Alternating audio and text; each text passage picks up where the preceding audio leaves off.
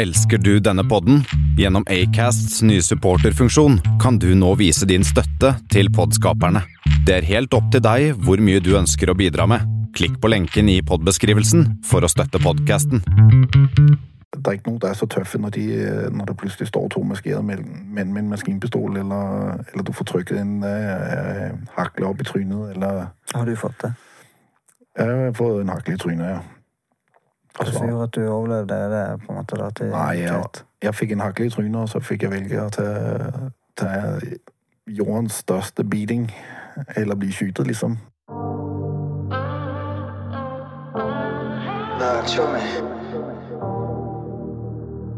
It is God's love.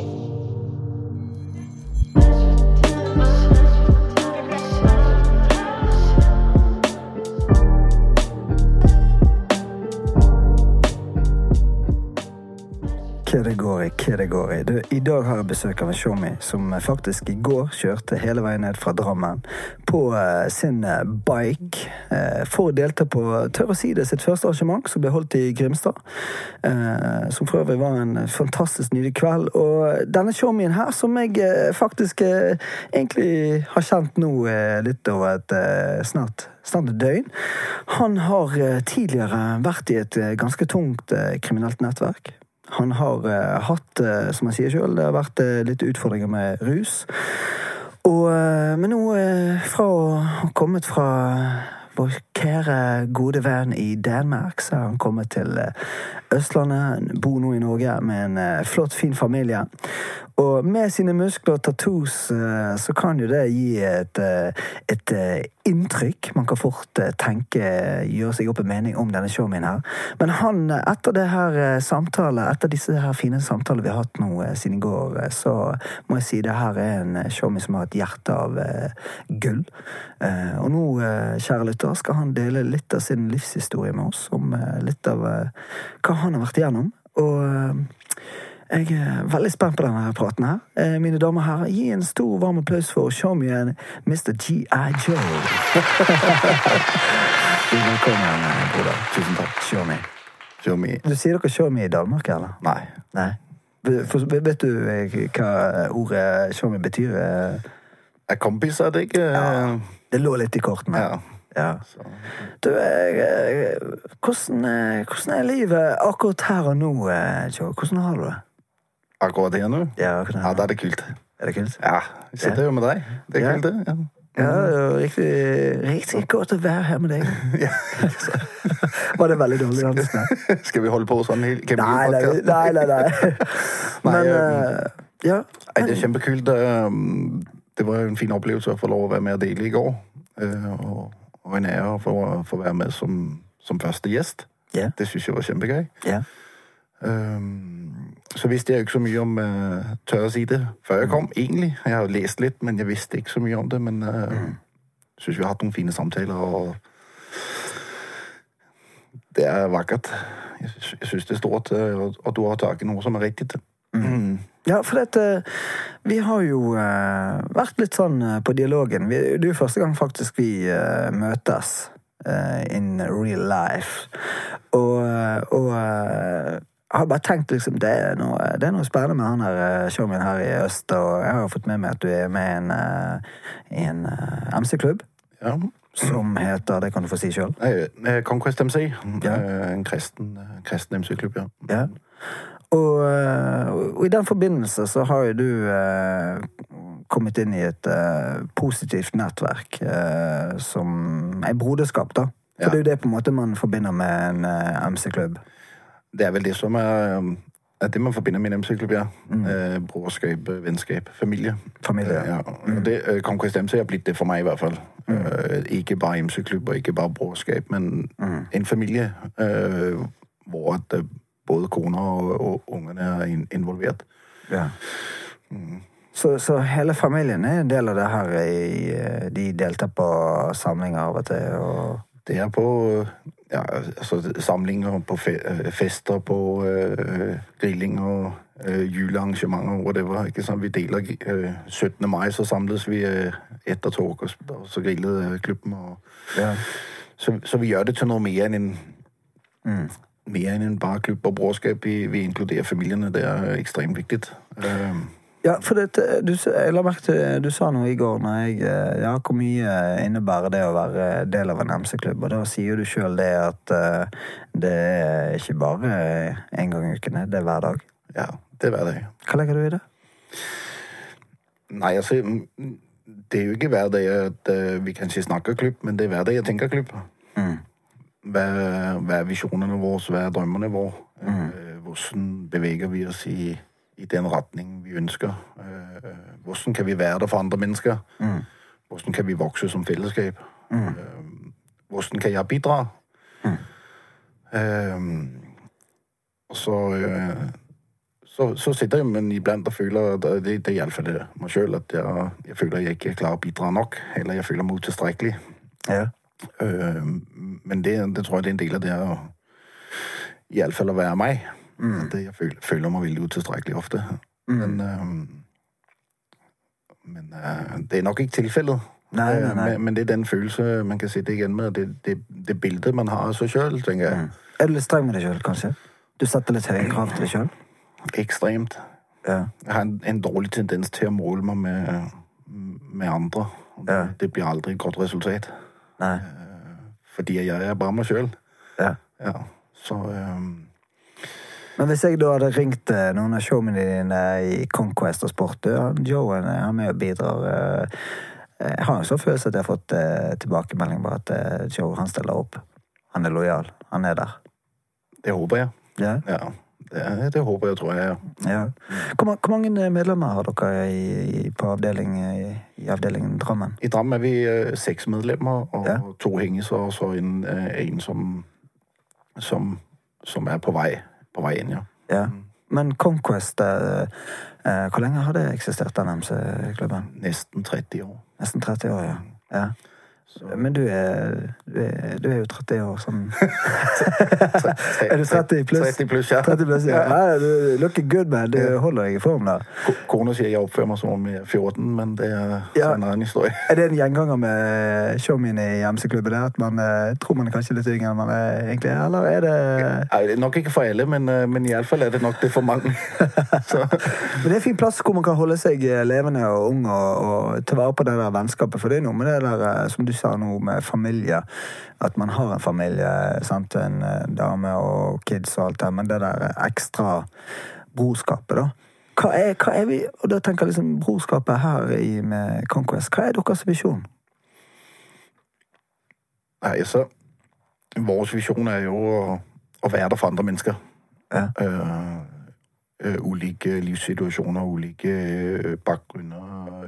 Altså Mm. Og, og, og stort sett være der og stille opp for andre mennesker som trenger det. Mm. Mm. Øh, jeg tenker det trengs veldig. Øh, så, så, så tenker jeg vi er et godt alternativ til, til andre Eller ikke et godt alternativ, det blir kanskje feil å si, men et, et alternativ til, øh, til MC-miljøet. Mm. Fordi vi er jo en veldig spesiell klubb når du tenker på, Mm. på Try og på, på, på det vi står for. Mm. Men så, så trives vi jo i MC-miljøet. Mm. Øhm, og, og da tenker jeg at, øh, at det er det vi er der for. Vi, vi, er, vi er, er der for å, å være sammen med de andre. Ja. Øh, Og, og, være der for andre. Det å se andre, rett og slett. Og, men, men, men det er litt sånn interessant, for dette Er det litt sånn at eh, det som kjennetegner en, et MC-medlem, er at kanskje den har en utfordrende bakgrunn, eh, reise, at man kanskje ikke har hatt så veldig sånn sterk tilknytning til egen familie, at det blir en erstatning, på en måte? Det er nok det for mange, men det er ikke det for alle. Nei? Øh, Vi har heldig, altså Iallfall hos oss og i, Conquest MC så har vi jo alt for alle bakgrunner. ikke sant? Vi har jo i, I Sverige så har vi folk som er utdannet prester. øh, Vi har folk som kommer fra, fra gode og sunn familier har vokst opp i kristne hjem. Og så har vi folk som meg som har vokst opp med, øh, Mm. med foreldre som har ruset seg øh, barn i hjem og, Mm. og psykiske problemer. Så vi har et, et, et bredt spekter. Ja. Ja, og det, det, det, det, det er veldig uh, mye med til å gjøre oss til en komplett og fun funksjonell klubb, tenker jeg. Mm. Eh, Men, men det som vi ofte snakker om, og det er jo, det, det er jo kjempemorsomt når vi sitter der Hvis, hvis vi ikke hadde hatt MC-klubben, hvis vi ikke hadde hatt Gud som, eh, som, som sentrum, så hadde vi jo aldri vært vinner. Nei. Vi hadde, den gjengen hadde, altså, Det hadde vært så unaturlig. For det er, mange, det er så mange ulikheter, så at den fellesnevneren her er jo Gud. At dere har en felles uh, tro. Ja. Og, og, en, og en felles altså Du kan kalle det hobby, men jeg, altså, for meg er det mer enn en hobby. Ja. Det er en livsstil. Ja, det er en livsstil. Ja. Det har det blitt. Det er det blitt. Mm. Jeg har lyst til å snakke litt mer om det her òg med livet ditt nå, da. Men hvis vi kan spole litt tilbake til eh, din eh, barndom, hvor alt startet. For du, som vi hører her nå, du er jo ikke Du er ikke norsk, Nei. men du kommer fra et land som, eh, hvor jeg bare elsker musikken. Mm. Jeg har en del artister der som jeg uh, liker å høre på. Og, men uh, hvor i Danmark er du fra, Joe? Jeg vokste opp i København, ja. Ja, Du er rett og slett fra The Big, uh, the big Apple. ja. Store storbyen. Storby, ja. Ja. Og Joe, kommer du fra en kristen familie? Nei, Nei? det gjør jeg ikke. Nei. Nei. Og, men eh, ja, du ble født inn i København og vokste opp med mor og far tidlig stadie der? Ja, nei, altså, det er jo det var, altså, veldig kaotisk øh, start, kan vi si, at øh, innen, øh, innen jeg kom til verden, så, så ble mamma skytet med en hakle gjennom, en dør, mens hun var gravid med meg. Hva sa du? Ble din mor skutt Med en hakle, ja. mens hun var gravid med deg Ja, i København? ja. Ok, det er jo helt vilt. Så det startet, det startet nok litt kaotisk uansett, og så, så gikk mamma og pappa for hverandre når jeg var veldig, veldig liten. Eh, Så vokste jeg, vokste jeg opp øh, sammen med pappa, øh, som, som ryste seg på amfetaminer og tabletter. Så din far måtte ta seg av deg? Ja. Eh, mamma fraleser alt ansvar, kan man si. Eh, og så tok pappa over. Det er jo en eh, det var, Han hadde jo ikke kapasitet til det. Han kommer jo fra Det er jo litt som vi snakket om i går, at, eh, og som du fortalte i din historie, at, at alle mennesker har en historie, og mine foreldre har også en historie før, før de fikk meg. Eh, og eh, da ender det jo opp med at barna betaler prisen ofte. Eh, så, men eh, Hvor gammel var du da når din far eh, tok uh, foreldreansvaret helt alene for deg? Nei, det, altså det Hvor gammel jeg var, det husker jeg jo ikke. Men jeg har vært, vært veldig liten. Ja. Det er før jeg husker. Sånn ett-to år, kanskje. Ja. Men var det da eh, den starten du fikk da, og du nevnte rusen her inne i bildet, så det var liksom Var noe barnevern inne i bildet? Var det noen som fanget opp dette at, at eh, du eh, som sønn ikke får eh, den omsorgen eh, du skal ha? Eh, det har vært veldig vanskelig å få, få noe konkret ut av min pappa angående det her, egentlig. Mm. Men Men jeg husker noen ting uh, som han sier ikke har skjedd. Men altså, det er jo Det veit ikke, det. Uh, sånn som at uh, Miste tabletter på gulvet og beskyldte meg for å ha spist dem. og ikke sant, var Seks år gammel og kunne ikke, fem-seks år gammel og kunne ikke vekke han fordi han lå og ryser på sofaen og ble hentet fra SFO. og Så endte det opp med å bli tvangsfjernet. Du ble tvangsflyttet Ja, på barnehjem. på barnehjem. Hvor gammel var du da? Seks år. Seks år? Seks år? Allerede da er du, må du flytte? Ja, det var brutalt. Ja. Jeg husker ikke ja. Seks år, Ja. og du blir eh, flyttet på en eh, Heter det instalt? Ja, det er institusjon. Ja, jeg ja, barnehjem, ja. Mm. Ja. Og så jeg, jeg husker ikke når jeg ble hentet, eh, men jeg husker første kvelden hvor jeg ble, ble jaget og kledd naken av, de store guttene. Okay. Måtte sitte hjemme med en skog helt alene Første kveld. første kvelden. Seks år. Wow. Så eh, jeg var heldigvis ikke på barnehjem så lenge, men eh, et år var lenge nok. Så det var my mye eh, mye ubehagelige opplevelser. Ok. Så det setter, det setter dype spor i et barn, ikke sant. Snakker vi liksom både psykisk og fysisk eh, mishandling, på en måte, da? Eller Det av eh, de andre eldre guttene? ja, de andre, ja, de andre barna. Hvor mange barn var det på institusjonen der? Nei, det Det vil kanskje være en 30 stykker eller noe. 30-40 stykker, tror jeg. Såpass. Er dette her i København òg? Nei, det var på en, øh, på en liten øy. Så mm. Hvordan har det For da, etter det året der, flytter du inn i en slags eh, fosterfamilie, eller er Nei, da flytter jeg hjem til mamma. Ja.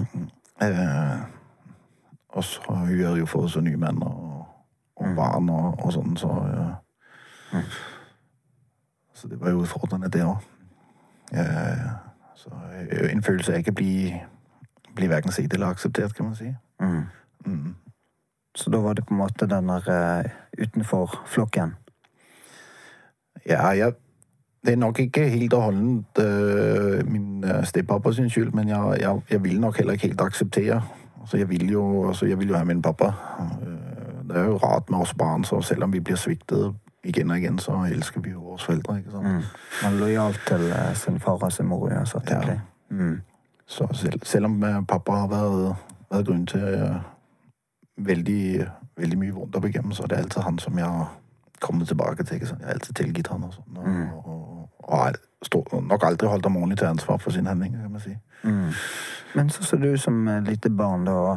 Hadde du noen du kunne prate med om dette du gikk gjennom? Nei, det var lite. Så ja. Ingen familiemedlemmer heller som fanget opp at du ikke hadde det greit? det, altså, det, kan, det kan jo være jeg har fortrengt det her, men, men jeg, jeg har litt en opplevelse av at når vi liksom var ferdig med barnehjem, så var vi ferdig med det. Ok. Ikke sant? Så gikk vi videre. Men det var jo Mm. Det var jo på 80-tallet, så det er klart at ting, ting var annerledes den gangen. Veldig annerledes. Jeg er sjøl vokst opp på 80-tallet, og det var jo liksom eh, ja. Hvem skal du snakke med? Mm. Det, det er jo helt annet i dag hvor eh, psykisk helse er på agendaen, og noen kan jo mene det at eh, ja, hvor bra er det å snakke om det, trigger det fram noe annet, eller videre. Men jeg tenker at det er så viktig å ta fram dette her for å, for å man blir mer bevisst på det. Hvis man da legger merke til og registrerer at det er faktisk noen barn i um, vennekretsen, eller du opplever at her er det noe som skurrer, så er det faktisk noe av det å ta tak i det. Det er viktig, det. Det er det. Ja. Og, eh, men, men du da, Joe, altså, du, bodde du hos din mor da helt frem til du på en måte går videre og står på egne bein, eller? Det var jo veldig, veldig turbulent. Um, de første årene på, på skole gikk jo egentlig ganske greit, men så uh, Så uh, så byttet vi kontaktlærer. Og øh, altså det, det, det, det, som, det som jeg husker som i alle fall har vært noe av en katalysator, det var at jeg ble altså jeg, jeg har nok alltid hatt øh, et behov for å bli møtt eller sett. øh, For bekreftelse? Ja, ikke på den måten, men, men øh, blitt håndtert i forhold til altså, mine utfordringer. Og, og det, det, det, det sluttet når vi byttet kontaktlærer, og så, så, øh, så falt jeg utenfor. Mm. Så øh, klarte jeg ikke å følge med, og så klarte jeg ikke å finne plass. Så, øhm, så rysen begynte vel ganske tidlig. Han begynte å drikke veldig tidlig. Hvor gammel var du da? Nei, det har vel vært sjette eller syvende klasse. Sjette klasse, syvende klasse. Men Var det noen i klassen som introduserte det for deg, eller var det sånn typisk du fant en flaske hjemme hos din mor? Nei, altså, det var jo øh, Det var en annen alkoholpolitikk i Danmark. Ja, Så- det er sant. Ja, Man det- begynner, kan begynne litt tidligere der. Ja. eh, Det har jeg fått med meg. Uh, så det var veldig, veldig vanlig at vi liksom møttes en flokk øh, ute i Kjelken og så drakk litt. Mm. Og de var igjen eh, like gamle som deg? Ja, det spant jo litt sånn Ja. ja, litt større øh, gutter. Men var du sånn typisk du var, opplevde at det var en del alkohol hjemme eh, med din mor og Ja. stefar? Ja, de, de drakk ganske Jeg vil si, på den tiden drakk de nok ikke tett, men øh, det var vanlig med alkohol julaften og sånn, så var det jo, det var jo alltid uh, så fyllefest når vi feiret noe. Så du opplevde å se fulle eh, voksne? Ja, det var helt normalt. Helt normalt? Ja, helt normalt. Men gjorde det noe med deg? Gjorde det at du var utrygg? Hvis du tenker tilbake nå Jeg, jeg, eh, vet- jeg vet ikke, jeg tror jo det var normalt. Ok. Så jeg har vokst opp med rus, så eh, når du vokser opp med ting, så tror du plutselig det er normalt, ikke sant? Det, jeg ser den. Men på en måte tror jeg òg at det gjør noe med barn. At det er jo noe grunn til at man i voksen alder kan kjenne på angst, og man har eh, traumer man har tatt med seg, og fordi det har vært ting som ikke har vært greit. Det, det gir jo en, en viss usikkerhet når man ikke har folk eller foreldre eller voksne rundt seg som er stabile. Trygge voksne. Mm. Så øh, øh, men, men rysen begynte jo å ta mer og mer overhånd, jeg, Ja. jeg røyket, øh, røyket begynte vel å røyke hasj i syvende klasse, kan man si. At det, det var jo ja. Hvordan ble du introdusert for det, det å gå fra alkohol til å røyke hasj? Hvordan var den overgangen? Der ble vel røyket noe hasj i familien nå, så øh, det var vel ikke helt uh, Det var òg noe du var vant til å se? ja, han var vel ikke helt unormalt, nei. Nei. Så uh, Gjorde det deg ekstra nysgjerrig på at det ville du òg prøve, eller fordi Ja, så jeg, jeg vet ikke om det gjorde meg nysgjerrig, men uh, Akkurat det. det men det, det var vel kanskje det var litt normalt. ja. Så det var ikke så vanskelig å, å, å, å ta de stekene, tror jeg. Øh, Det var jo selvfølgelig spennende. Det er det som er med rysen. Det er jo spennende. ja. Ja. øh, Og så liker jeg å ryse meg. Mm. Ja. Ja. Tror du bra at du bare setter ord på det og sier det rett ut, at det, det er noe du har likt? Ja. Noe Du liker? Mm. For det gjør noe med en. ja. Hva gjorde det å røyke hasj med deg? Nei, altså, jeg tåler, tåler hash veldig dårlig, egentlig. Jeg, jeg blir, blir nok øh, øh, Noe i meg psykisk. Så jeg blir, blir syk når jeg røyker hash. Så det, det sluttet jeg sluttet jeg egentlig veldig fort med. Så begynte jeg med, heller med amfetamin og ecstasy. Ja, men på hvilken måte da vil du si at det gjorde noe med deg? Kan du gi noe eksempel på, på det? Ja, altså, jeg, mm, jeg tror min første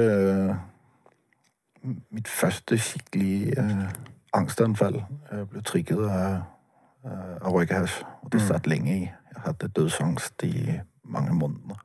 Turde ikke å stå opp, og turde ikke å legge meg til å sove. Og jeg var livredd. Så øh, for meg er det altså, Jeg tåler, jeg tåler ikke æsj, og jeg, jeg syns jeg syns jo at det er skummelt at det, det er så neglisjert at det følger de her tingene med, med å røyke. Mm. Øh, for det er liksom Det er liksom så greit. Øh, Det er liksom så ok, og det er liksom ingen bivirkninger, ingen har dødd av det. ikke sant? Det er det som blir dratt fram igjen og igjen. Mm. Øh, Og det går nok, det går nok bra de fleste gangene. Men øh, det, det er også ganger hvor det ikke går, går bra.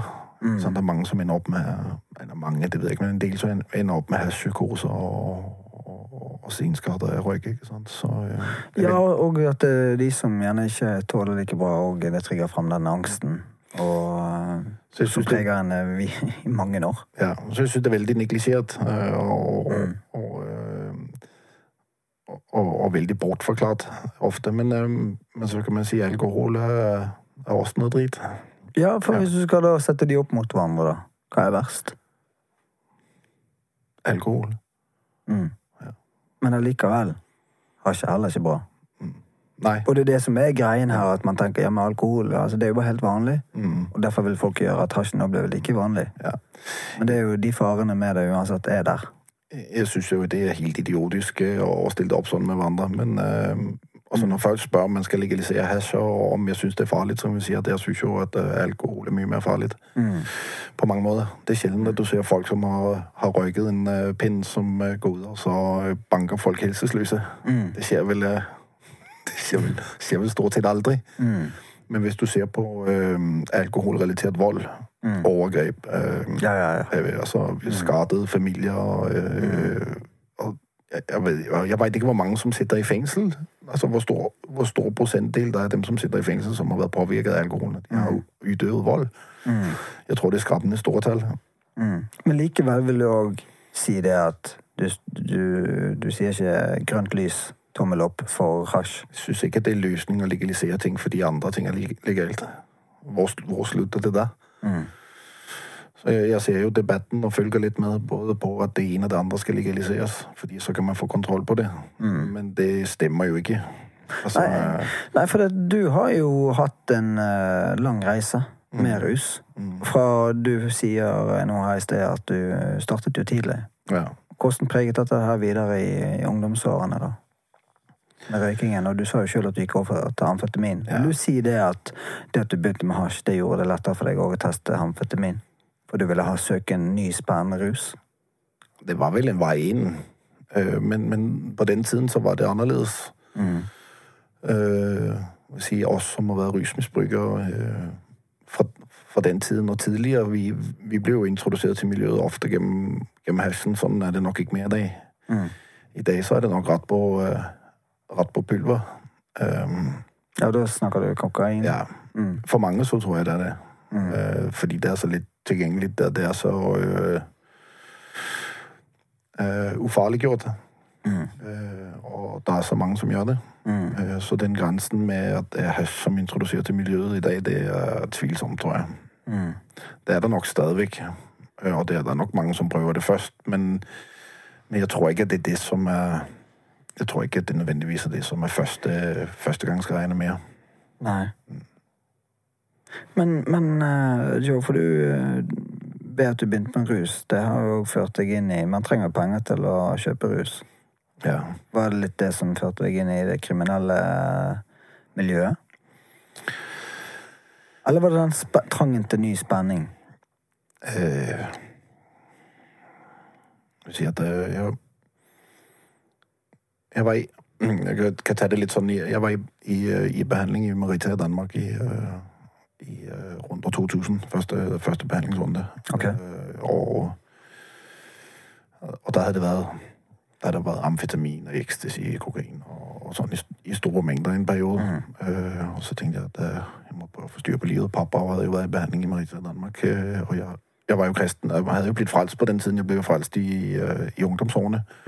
Så jeg hadde fått et sterkt møte med Gud, mm. og, og kjent på den, den kjærligheten der, der er å hente hos, øh, hos Gud. Øh, og så, så, jeg, så jeg valgte å gå i behandling, og så, så, starte på nytt. Og det, det flasket seg jo egentlig ganske godt, og jeg, øh, jeg drømte om øh, å, å komme på befalsskole i militæret og sånn, og jeg kom faktisk øh, ble, ble faktisk første førstevalg ut av alle på, på øh, klassen min til å komme på befalsskole. Selv, okay. selv om jeg bare hadde, hadde 10. klasse, som jeg hadde tatt som voksenopplæring, og mm. egentlig hadde øh, biltyveri på, øh, på, øh, På rullebladet? på rullebladet. Så Ja, jeg var ærlig om det, og sa øh, øh, men, øh, men jeg hadde jo ikke kapasitet til det. Sant? Jeg hadde jo så mye bagasje at å, stå i det her, det, det, det, det gikk ikke. Så, så jeg øh, jeg feilet igjen. Altså, som, som jo har vært en tendens gjennom hele livet. Jeg feilet på de ting jeg drømte om, og, og så, så gikk jeg tilbake til det jeg kjente, og det var jo øh, festing og rys. Og så øh, Så veit jeg ikke om det var fordi at, øh, at, at jeg skulle ha penger til rysen at jeg ble med der, men det var det med en følelse av tilhørsforhold, og det lød kanskje kult å- å være en del av noe, ikke sant? Være en del av øh, et fellesskap, på en måte, som, som jeg tror vi som mennesker er veldig uh, mm. uh, Veldig avhengige av. Ja. Så om det er det ene eller det andre fellesskapet, så tror jeg vi mennesker dras, dras mot det. Det er noe som er lagt ned i hjertet vårt. Et, eh, at, eh, et fellesskap. Ja, og så litt sånn her, hvis du da eh, får allerede så for tidlig start bli blir introdusert for ja, mamma og pappa som har utfordringer, og igjen du er på barnehjem, du fester, du røyker. Og det er noe her jeg tenker at man søker en spenning, man søker en, kanskje en bekreftelse på å finne litt sin plass i verden. Eh, hvem er Joe? Ja. Og, men føler du at etter du kom inn i det kriminelle miljøet, at du fikk eh, den bekreftelsen på at du betydde noe? På, på feil måte. Ja. Ja. På feil Eh, måte. ja. Hva legger du i det? Nei, så jeg tror jo at eh, Jeg tror veldig ofte i de miljøene, eller iallfall så eh, Så Eller i det miljøet jeg var i, hvert fall, så, så eh, var det veldig fryktbasert. I, i alle fall, kanskje ikke for de andre guttene, for jeg var jo ikke altså, det- Jeg har aldri vært den tøffeste, jeg. Du ser jo skamtøff ut. Ja, nei, jeg, jeg, det, det er fasade. fasade. Ja. Ja, så jeg har alltid vært livredd. Så, Så Så bak den fasaden så skjuler seg eh, så, Eller ikke skjuler seg, men det, det er noe bak det man ser, da. en, li, en liten redd en liten redd gutt. Ja, det, er, det er nok mer sannheten. Mm. Eh, Og det er nok ofte det jeg sier når jeg ser meg selv i speilet. Mm. Eh, Men det trenger ikke å være noe dårlig, det heller. Så, men jeg fikk jo ikke altså, Den oppmerksomheten, kan man si, det jeg fikk, eller den, det fellesskapet jeg fikk, var jo ikke det som jeg trengte.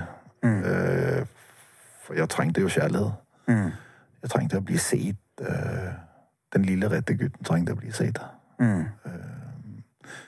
Så øh, det, det var jo bare bensin på bålet i forhold til mine psykiske utfordringer, i forhold til mitt selv, selvverd og, og i forhold til, til, til angst og alt annet. Så øh, Ja, for at når du da er inne i dette miljøet, og man, man gjør ting i, når man er i et sånt miljø for å ja, overleve, mm, for å få penger, få mat på bordet eh, Når du da har eh, vært med å, kan man si det, da, påføre andre skade det altså, er jo sannheten, ja. ja. Om, Har du da, hva, hva har du kjent på da, når du sjøl sier det, at du oppi alt dette her, så husker du sa òg i går at du måtte ruse deg.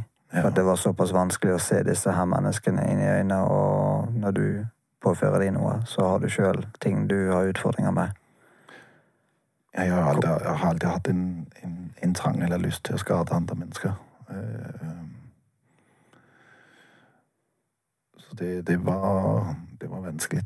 Det var vanskelig. Det var vanskelig. eh, Tok du det med deg eh, da når du kommer hjem for deg sjøl og skal legge deg, og da kommer tankene og refleksjon over ting du har gjort og vært med på? det var med hele tiden. Ikke sant? Jeg, jeg var jo redd hele tiden.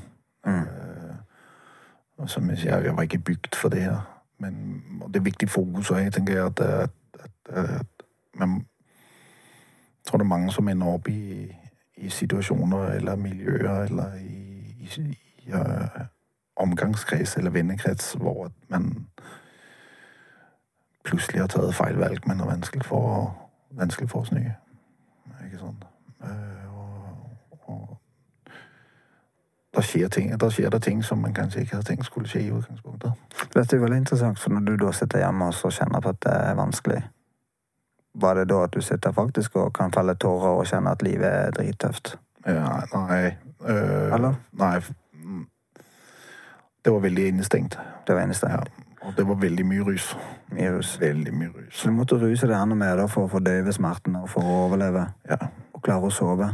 Med god samvittighet, kan man si det? Selv om du egentlig hadde veldig dårlig samvittighet. Sove uten samvittighet. Sove uten samvittighet, ja. Det var kanskje mer det. Men da, når du eh, Vil du si det at folk så på deg som veldig farlig? Ikke om, um, I miljøet? det, det, det kommer vel an på hvem du spør, tror jeg. Eh, Men jeg var vel villig til å gjøre hva som helst. Eh, Men det var jo bare fordi jeg var redd.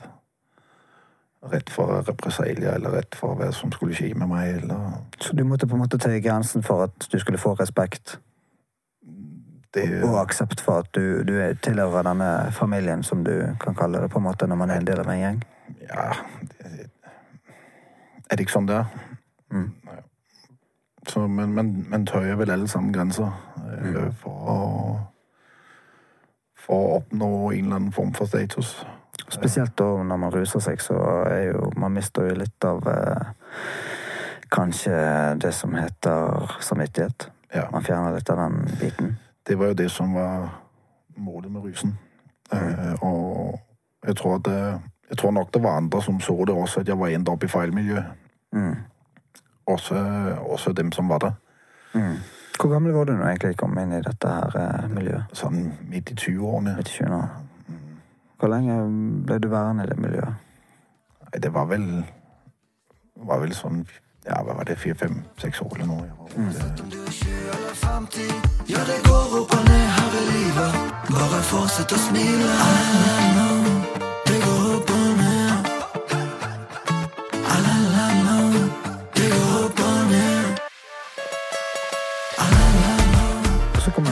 Ja, det er ja, fire-fem år. Ja, det går fort, men det er jo ganske lang tid når man er inne i et tungt miljø som kan spise deg opp levende, og du kan ende opp med rett og slett få deg en uh, kule i nakken. Og det er fort over. Har du noen gang vært uh, der at du nå ser du døden i øynene? jeg har opp, jeg opplevd det et par ganger, ja, hvor jeg tenker at det nå, eh, nå var det nå. Mm. Men uh, så er jeg så jeg slo på billig, tenker jeg. Både, både på det ene og det andre. Eh, Så For det er jo litt sånn, Joe, at uh, um, Det er jo veldig mye Man opplever litt sånn man, Inntrykket mitt man, Det blir litt sånn hypet opp, på en måte, av enkelte Man ser i hvert fall Man får inntrykk av at det blir sånn Det er fett å være gangster, spesielt en del unge som da gir uttrykk for det. Og du sa sjøl i går liksom Nå er det der, ja, hvor fett er det egentlig når de sitter der og skal klippe fingeren din av? Hvor fett er det å være gangster da? det er jo øh, det, er jo det ikke sant, at øh,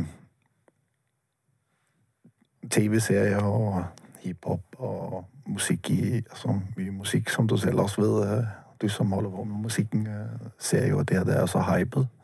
Det er dop og damer og dollars, ikke sant. Det er paret. Ikke sant? Hvem har flest penger? Eh, Hvem har flest damer? Hvem har flest, eh, eller mest dop? ikke sant? Men det er jo ikke sannheten. Og, og, og det man ser på musikkvideoer eller i, i TV-serier, er jo ikke sannheten. Eh, Sebastian Starkseth sier det jo veldig fint i en av sine sanger. ikke sant? Eh, Du har aldri truffet en lykkelig gangster. Det, det er jo ikke, det, det er ikke eksisterende. Mm, det er fett sagt. Ja, det er, Og, og det, det skildrer på en måte virkeligheten. da. Ja, ja, det er jo Og han, han vet det jo, ikke sant? Og på mange av de måter så, så er han jo Så er han jo en, synes jeg, en, en, et skikkelig godt forbilde på, på, på denne praten.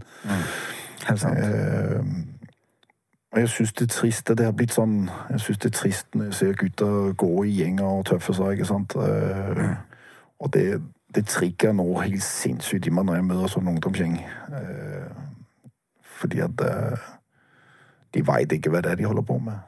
Eh, og, og, det er som du sier, at, det- at det er ikke noen der er så tøffe når, de, når det plutselig står to maskiner menn menn med en maskinpistol, eller, eller du får trykket en eh, hakle opp i trynet, eller Har du fått det?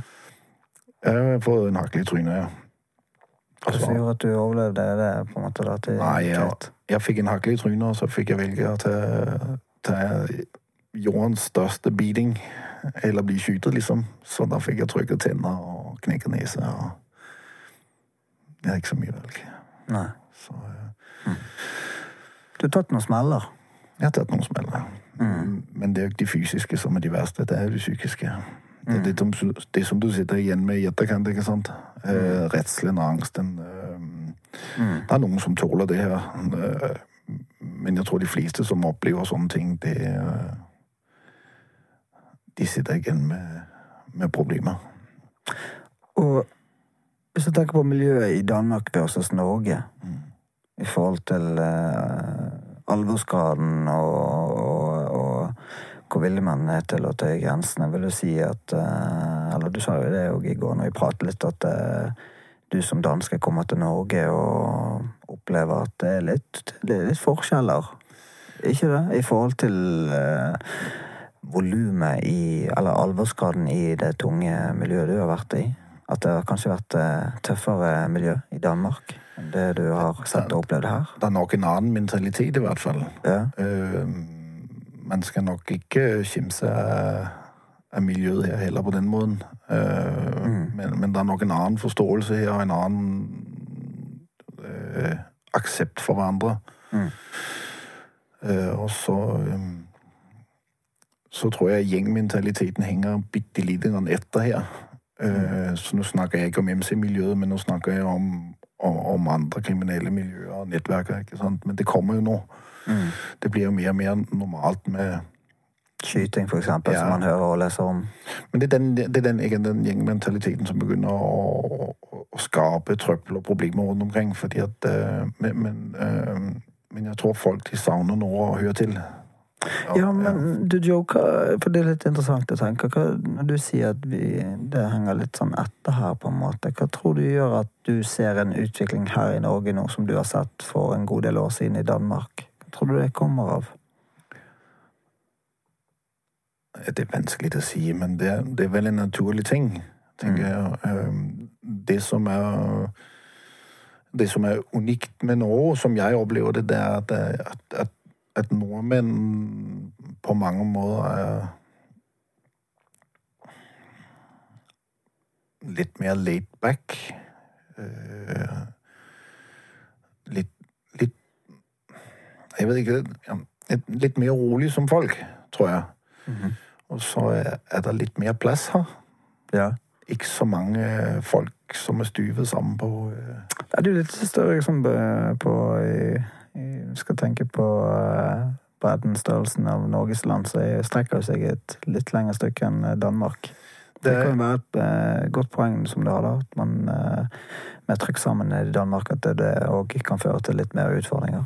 Ja, så det bor jo er det, 5,6 millioner eller 5,8 millioner i Danmark, ikke sant? Og så er de på Danmark på størrelse med et norsk fylke, ikke sant? Ja. Så det, det, det, setter jo, det setter jo tingene litt i perspektiv, og jeg tror, Ja. jeg tror jo at uh, på en eller annen måte at, uh, at, at vi ikke er bygget nødvendigvis til å bo lag i lag, mm. fordi at det skaper mye utfordringer. Mm. Så, um, men, men jeg veit ikke. Altså, det er vanskelig for meg å, å vite hva den spesielle grunnen er. Men Ja. jeg, jeg, tror, jeg, jeg tror for det første så tror jeg MC-miljøet har en annen, annen sammensveisning her, eller hatt, hatt det de siste 10-15 årene, Mm. som har gjort at uh, det er rolig her. Mm. Uh, folk de kommer overens. Uh, det er ikke noen grunn til å bråke med hverandre. Nei. Uh, Eller mer eh, samarbeid, på en måte, da. Og nettverksbygging og delta litt på arrangementer sammen og Ja, eller iallfall bare være enig om å, at tingene skal være greit. mm. Eh, Og der tenker jeg dere som Conquest, for det, jeg så jo det her dere hadde arrangert en samling her tidligere i sommer, og eh, var ikke det et jubileum eller noe sånt? er jo for, for, Ja. for, for, for Drammens avdeling. Ja. Gratulerer. Tusen takk. Det, og der, så, der kommer jo det litt uh, forskjellige typer MC-klubber på besøk, og det er en fin ting, da. Jeg, eh, jeg, dette her elsker jo det der med å ja, nettverke, møte mennesker og, og litt det der eh, Jeg tenker jo vi som Du er en troende, og jeg sjøl en troende. Vi er på en måte eh, kalt til å elske vår neste, sant. Og det der å ja, eh, være en bror, være en søster. Så som jeg sa tidligere, jeg trives jo i miljøet, Mm.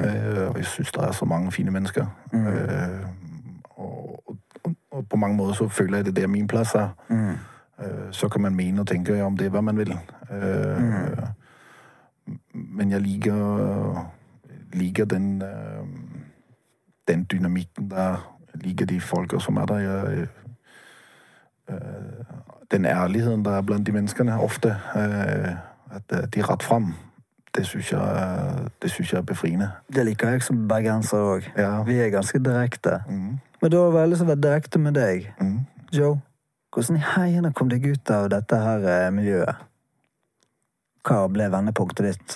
Det at du endte opp i Norge? Ja, altså, vendepunktet var jo at uh, For det første så var det jo fordi jeg ruser meg jo helt sinnssykt. Det- Man kan ikke fungere i det miljøet når man, eh, når man doper sånn. Det, det går ikke.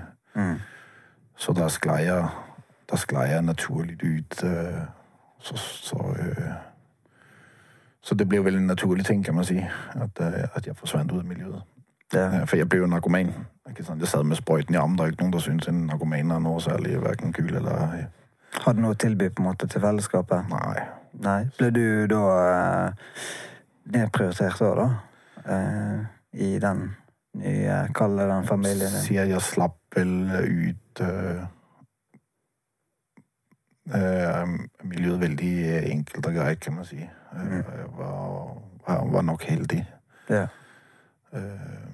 Kanskje det, også, det var bare en mening med det, òg, Joe? ja, At du skulle da komme ut, og, for nå har du et hjerte for å skulle hjelpe andre, og en del av en, en MC-gjeng hvor du kan bety noe og motivere andre. Så, men ok, men hva som gjør at du eh, For du fortalte jo det at du valgte å sette deg på bussen mm, til Oslo. ja. Ja. Kan du si noe om det? Hva som gjør at du klarer det der å ta det valget, når du du har nål i armen til det å plutselig sitte på bussen på vei til Oslo? ja det, det var jo en, en lengre prosess. Øh, Jeg hadde jo øh, jeg hadde en runde med innleggelse på psykiatrisk avdeling, og øh, både frivillig og, Mm. og på tvang. Fordi at jeg Mens jeg lå innlagt på psykiatrisk, så fikk jeg jo en stoffpsykose, så jeg angrep jo personalet og ble fastspent i jeg, jeg, Det er noe min pappa har fortalt meg i etterkant, men de har sagt, altså jeg husker ikke det, men så jeg, jeg lå fastspent i seks dager. Så på det tidspunkt så var jeg den i nyere tid, som har ligget fastspændt længst tid øh, på psyki eller psykiatrisk sykehus. Oi. Jeg husker ikke det her. Nej. Så jeg vet, altså, jeg jo ikke, om, om det er en and, eller om det, er sant i det hele tatt. Men jeg husker, altså, jeg lå fastspent, det husker jeg i hvert fall. Men, øh, Ja. men i denne prosessen så skjedde det liksom noe, at jeg tenkte, at må, nå må jeg gjøre noe med livet mitt. Jeg hadde akkurat vært, ved at dø av af blodforgiftning på rusen. og... og så enten så tenker jeg, enten så dør jeg, eller så må jeg gjøre noe. Det er ganske heavy når du har blodforgiftning. og var du, Kjente du på frykten for å dø, eller var det sånn at det nesten bare la meg slippe, bare la meg dø? Ja, det var en bisarr opplevelse. Øhm, for jeg, jeg, jeg kan jo fortelle historien jeg ligger på. Altså, jeg bor jo sammen med masse andre rusmisbrukere i øh, containerbrakker. Øh, og så øh, Det var jo nesten hva som helst som ble dyttet i armen, kan man si. Øh, så blir jeg syk. Dårlig. Og så er det jo personale som, som overser det stedet. Men øh, så blir jeg sjekket på kvelden, og nei, jeg, jeg kommer i morgen. Jeg var veldig dårlig. Jeg kommer inn i morgen, og så kommer hun inn, og så, så tar hun pulsen på meg og sier, og, og så, så sier hun ja, jeg må ringe efter en ambulanse. For jeg hadde jo så vidt puls, ikke sant? Mm. Og de kommer, de folka her, det var eh, to legebiler og ambulanse, og ikke sant? Det, var, det var full respons. Mm. Som jeg var jo, altså, jeg, jeg veit ikke, jeg fleipet jo med de her folka, eh, og de klarede liksom ikke, de måtte gi meg væske, men jeg hadde jo ingen puls, så de klarede ikke å finne ve- noen vene å gi meg væske i. Så det var full utrykning på sykehuset, og Mm. jeg husker liksom, jeg blir kjørt ned. Altså, når du tænker sykehus, så ligger du der på sengen, så blir du kjørt med de eh, armatyrerne i taket, ikke sant? Lysstoffrørene der kører henover. Ja, ja. Og jeg ligger dypere i, ikke sant? Han blir slået til, fordi jeg må våkne. Og så sier, sier jeg litt øh, og det husker jeg, Spør spørger skal jeg dø? Sier, Nej, øh, det, det veit jeg ikke, sier hun. Jeg veit ikke, ikke, altså. Øhm, og da øh, jeg var vel 60 kilo på det tidspunktet. tidspunkt. 60 kilo. Ja. Og nå veier du bare for å gi folk et bilde på lidt i overkanten av 100 kilo. Ja, Så. du, du holder det godt. Jeg, jeg liker, liker potetgull og chips, jo. Øh, Ja, og, og, ja, og cola. Ja, ja. Øhm, men der... Øh, når man ikke kan finne viner, så, øh, så sprøyter man øh, væske inn i, øh, i skinnleggen. Mm. Og jeg har aldri prøvet noe som var så vondt. Øh, Så de måtte være, de, selv om jeg var så syk, og så måtte de være seks personer til å holde meg. Så holder den ja. Og så sier de, de sier vi må gjøre det, ellers så dør du. Og så sier jeg, det driter jeg sant? Du må bare slutte, for det var så vondt. Det, ja. Det er verre å bli tatovert. det, ja. Ja. Det, nei, men så... um, uh, men da jeg våknet fra det her i, i en... Øh, der våknet på øh, intensiven i, uh, i en seng fyldt av piss. ikke? Undskyld, øh, men fordi at jeg hadde fått så mye væske, ikke sant? og Ja, ja, ja. der, og det var rett etter min 30-års bøsdag. Så det var dagen etter. Ja. Uh, Fin feiring, da. Ja. Kjempehyggelig. Uh, og så tenker jeg, jeg har jo altid, som jeg sa i går, jeg har jo trodd jeg skulle bli 30 år gammel. Ja. Uh, fordi livet har været i, altså i fuld fart, kan man si. Uh, så da, da, tenkte jeg, nå må jeg gjøre noe. Mm. Men det skjedde jo ikke der og der. Altså, det var jo det var en proces. Men en tanke kom der. En tanke kom. Og tenker den, ok, Vi må tenke at 30 år det er et rundt tall. Det skal være tjohei og kjempestemning, god feiring, masse folk og familievenner. Og så kan du òg tenke ja, det var jo ikke akkurat den eh, superfeiringen, men det er jo et vendepunkt her. Det blir et vendepunkt, ja. Ja. Øh, Og det er jo hvor mye mer eh, større og bedre feiring er egentlig ikke det. ikke sant? Så, men øh, men så, så var det jo litt sådan lidt frem og tilbake, og jeg gikk jo noen runder etter det. Ikke sådan, jeg sluttet ikke å ruse meg. Altså, det var ikke det, jeg sluttet ikke å ruse meg der. Men, uh, Mm. men jeg tror Gud hadde, hadde en plan. Ja. Øh, Preach. Og, Ikke bare tro, vi vet. Nej, jeg, jeg ved at Gud Ja. havde en plan, så, men, men det var det, jeg opplevde der. Ikke? sant? at, uh, og det var jo sånn at når jeg lå på psykiatrisk avdeling, så delte jeg, så leste jeg Bibelen og delte Guds rom med, en av de andre folka. Ikke? Og vi, Mens du var der. Ja, ja. Og, og, og stykker på, på benzo og, og metadon, ikke sant? Og så sad vi og snakket om Bibelen, og sånn. Det var jo sånn at vi fikk jo, fik jo forbud om det, ikke sant? Mm. Ikke snakke om Guds ord, det var jo helt... Ja, I hvert fall med på psykiatrisk. Da. Så det var, det Fin var, plass å være og skal preache. så, men han, han andre duden, han er faktisk frelst i dag. Ok. Uh, og øh, det, det var litt morsomt. Jeg ble kontaktet av han øh, på Facebook uh, mm. en gang. Og så, Ja. så han, er, han er blitt frelst i etterkant. Han er blitt en kristen eh, troende. Og det, det ikke komme ut av våre uh, samtaler om Ja. Gud på psykiatrisk avdeling. Ja. Men uh, det var litt off topic, men øh, så um... Nei, Det var fett å høre litt, få litt kjøtt her på samtaler i forhold til din reise og vendepunkt. Så um... Så øh, reiste pappa i behandling i oppe. Ja. Øh, og- Opp til Norge. Ja, Ja. og så, så dro han jo i, altså han, han dro jo i meg for, for å få meg i behandling. Så, Ja. øh, Så da, der var han på og ville hjelpe? ja. Mm.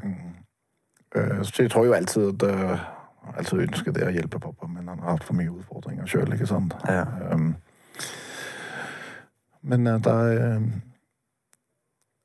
da fikk jeg jo øh, ordnet plass her og, og rundt bakvei og litt sånn Ja, ikke på, ikke på den mest riktige måte, men, uh, men jeg fikk ordnet meg en plass her oppe, og så, Uh, så Der kommer gatementaliteten inn.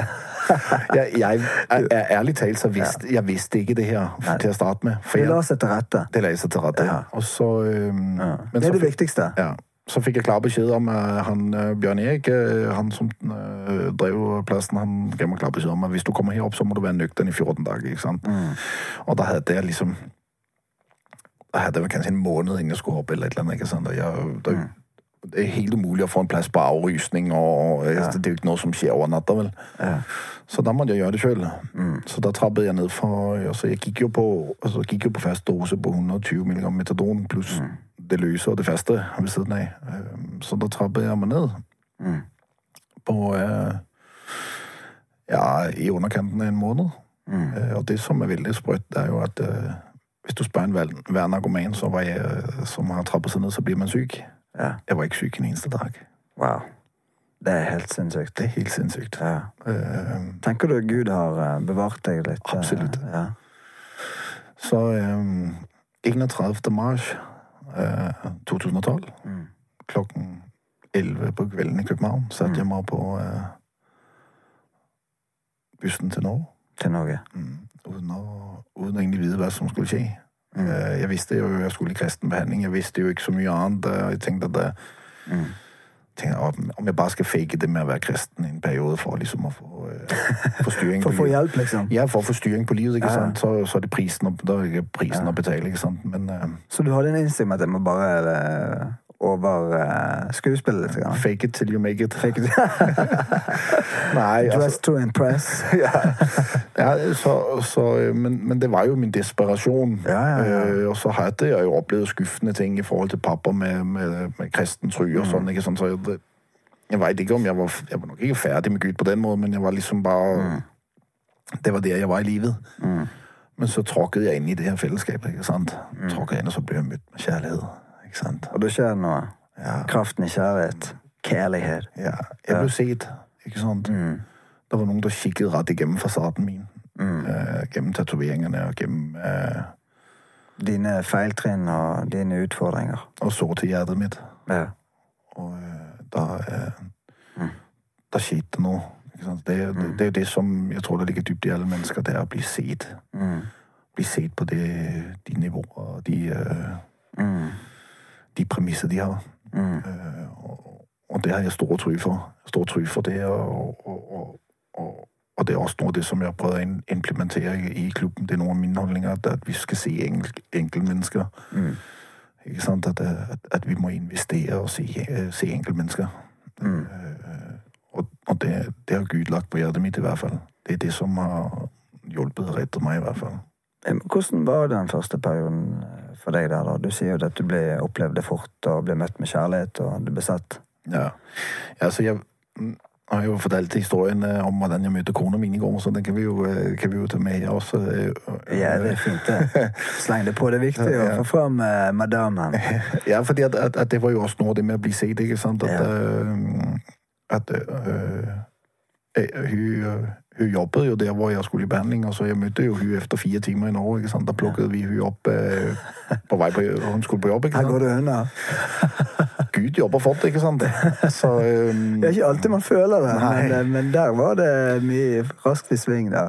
jeg, tenk, jeg tenker at, at det var kanskje for å sette meg litt på prøve.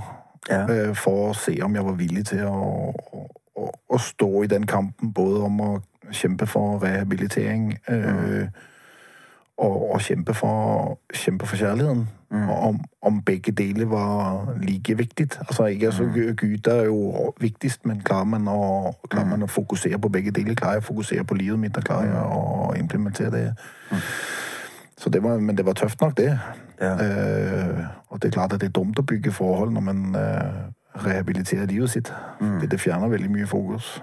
Så, men altså, kona min var jo, eh, var jo eh, beintøff, ikke sant? At det var ikke noe Du får ikke lov å komme hit. Så hvis du reiser, så kan du bare glemme å komme hit. Ikke sant? Og, og, og, og det skal jo sies at vi bygget jo ikke noe forhold mens, hun- mens hun jobbet der. Hun, hun sluttet jo når hun skjønte at der var følelser involvert. ikke sant? Så, så, så, så, så profesjonell må man jo være. Eh, men nå er det jo eh, Nå er det jo ti års bryllupsdag neste år. Ja. Så vi har jo eh, Ja, bare gratulerer på forskudd. vi, har, vi har stått i bresjen eh, noen år nå, ikke sant? Og det har ikke bare vært enkelt, det heller. At, eh, Nei. jeg har mye arr på sjelen og mye, mye skader. Så Men, men det er litt det er jo litt interessant du sier. Det er jo fortsatt utfordringer, og selv om man får eh, vendepunkt i livet, så er det noe med det å ha eh, hele tiden eh, eh, For oss, da, det er å holde troen eh, sterkt. mm, eh, Være tett på. Eh, Og eh, beskytte seg selv. eh, Forebygge. eh, Og, og jeg tenker jo at Litt som vi snakket om i går på den der tørre tørr å si det-kveld, at det er noe med det å, å si, si det. At eh, det kan være tøft. Men, men så lenge man ikke gir opp, da. ja. Sant? Er villig til å gå en, noen ekstra meter, ekstra mil, så kommer en seg mer og mer i mål. Ikke Ja. sant? Og føler du nå, Joe, at du eh, eh, Vil du si at du har eh, Er du på en måte der du vil være i livet nå, eller er det fortsatt sånn at du Nei, jeg er, ikke, jeg er ikke der hvor jeg vil være i livet. Um, Jeg har brukt, som du sier, jeg har brukt mange år i psykiatrien her oppe. Mm.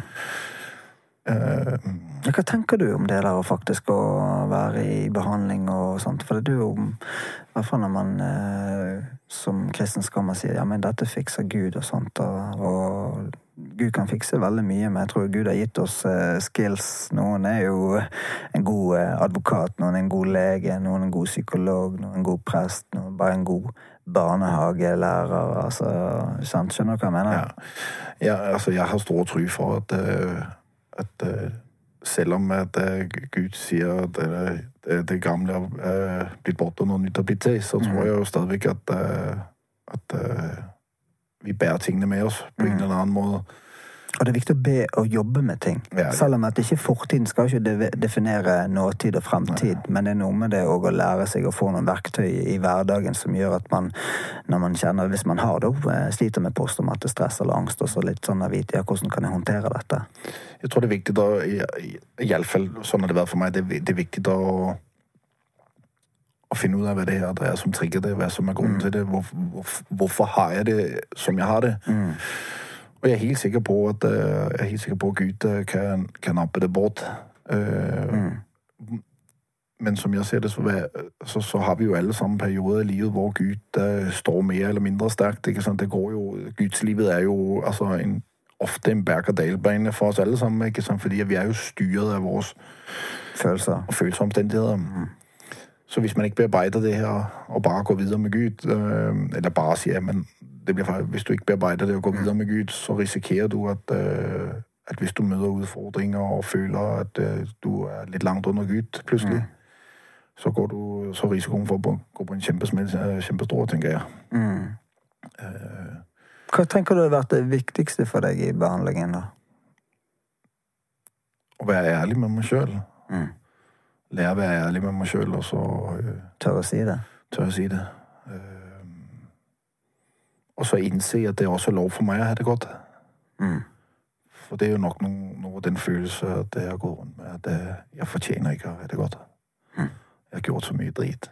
Jeg er en drit, ikke sant? Jeg er ikke noe verdt.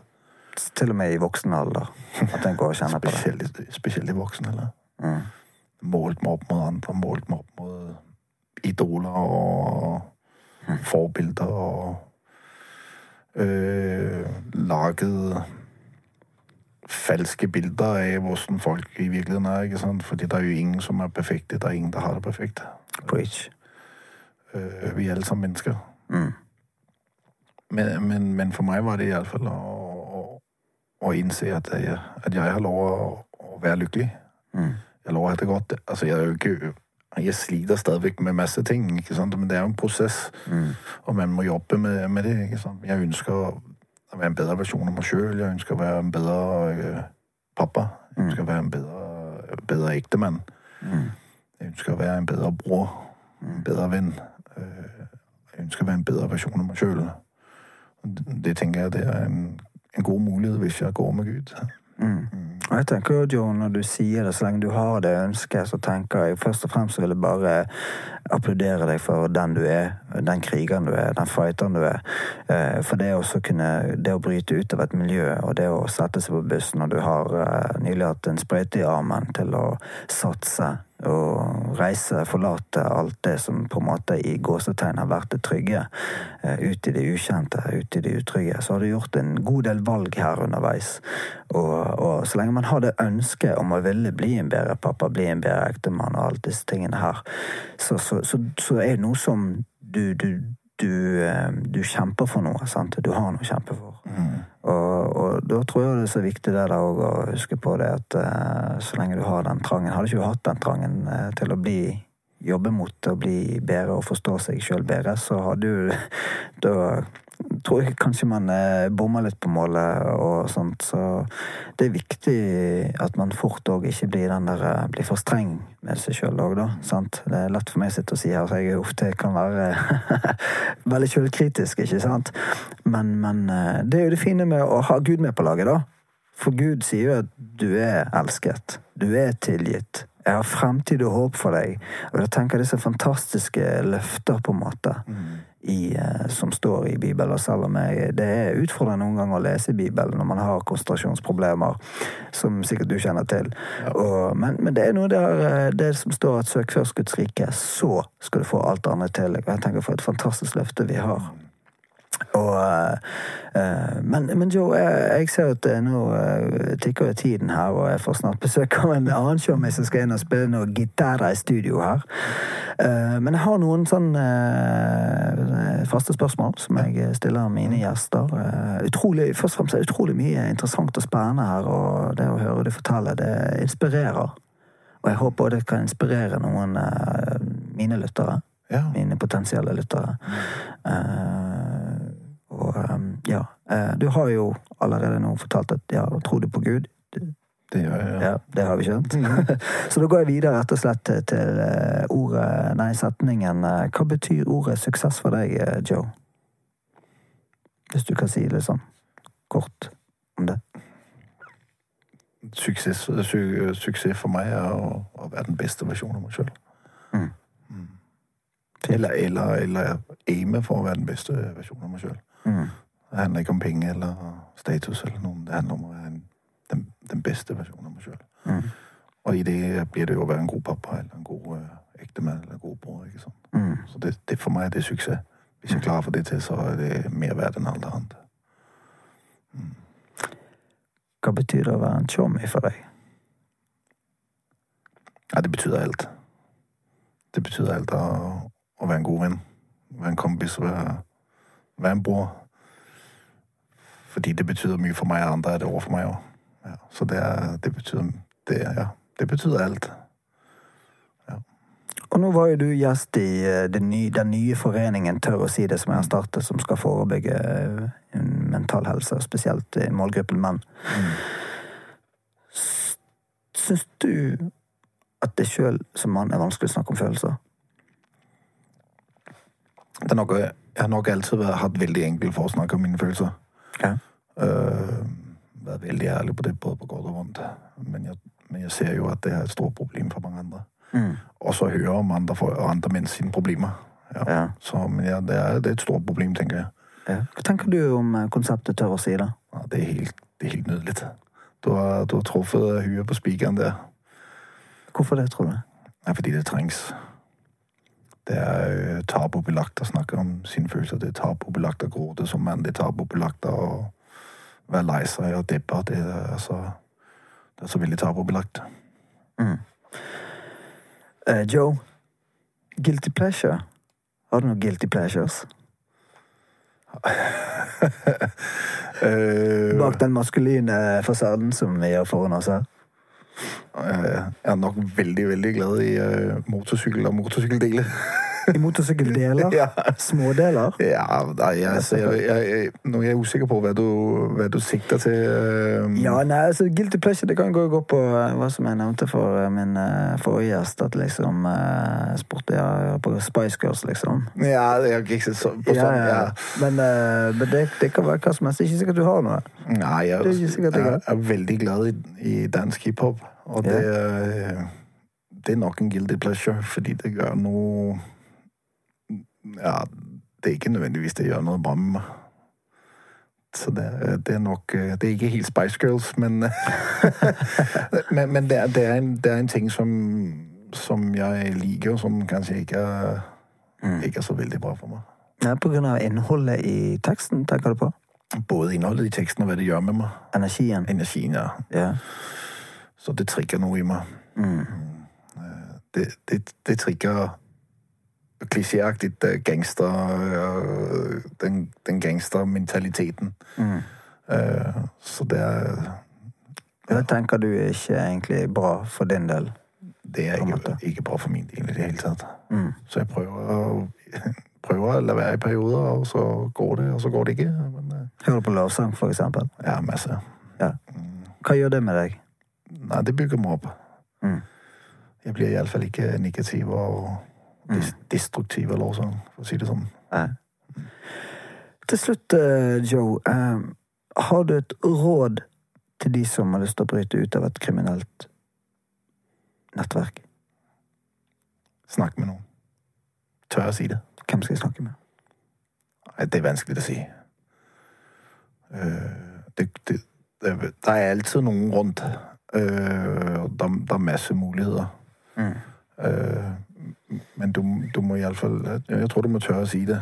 Øh, Finne noen du kan si det til, så, så, så finne noe hjelp. Mm.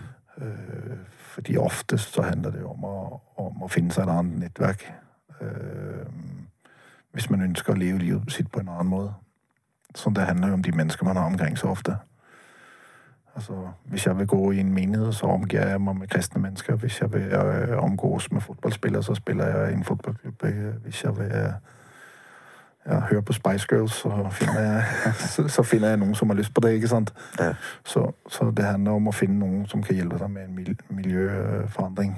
Øh, om det er for det ene eller det andre. ikke sant? Mm. Så, men, men du må jo tørre å si det. Det er jo det som er, det er Du må tørre å si til noen at du ønsker en forandring i livet ditt. Tenker du det samme om rus, hvis du ønsker å bryte deg ut å bli ferdig med rusen? Da må du snakke om det. Du må være ærlig. Du må være ærlig med deg sjøl og stille deg selv til ansvar. Mm. Bli, altså, du må jo akseptere at du har et problem, Mm. og så må du tørre å si det til noen andre. Mm. Jeg har et problem, jeg trenger hjelp. Og sånn kommer det også til psykisk helse. ikke sant? Må innse at man har, har problemer, og så tørre å si det. Det er alltid noen som må hjelpe. De tabuene som er, de ligger ofte i huet, tror jeg. Jeg tror, tror det er mer inn- innprintet enn det er nødvendigvis i virkeligheten. Eh, Jeg tror det er veldig mange som vil lytte, hvis man er villig til å ta sjansen. Mm.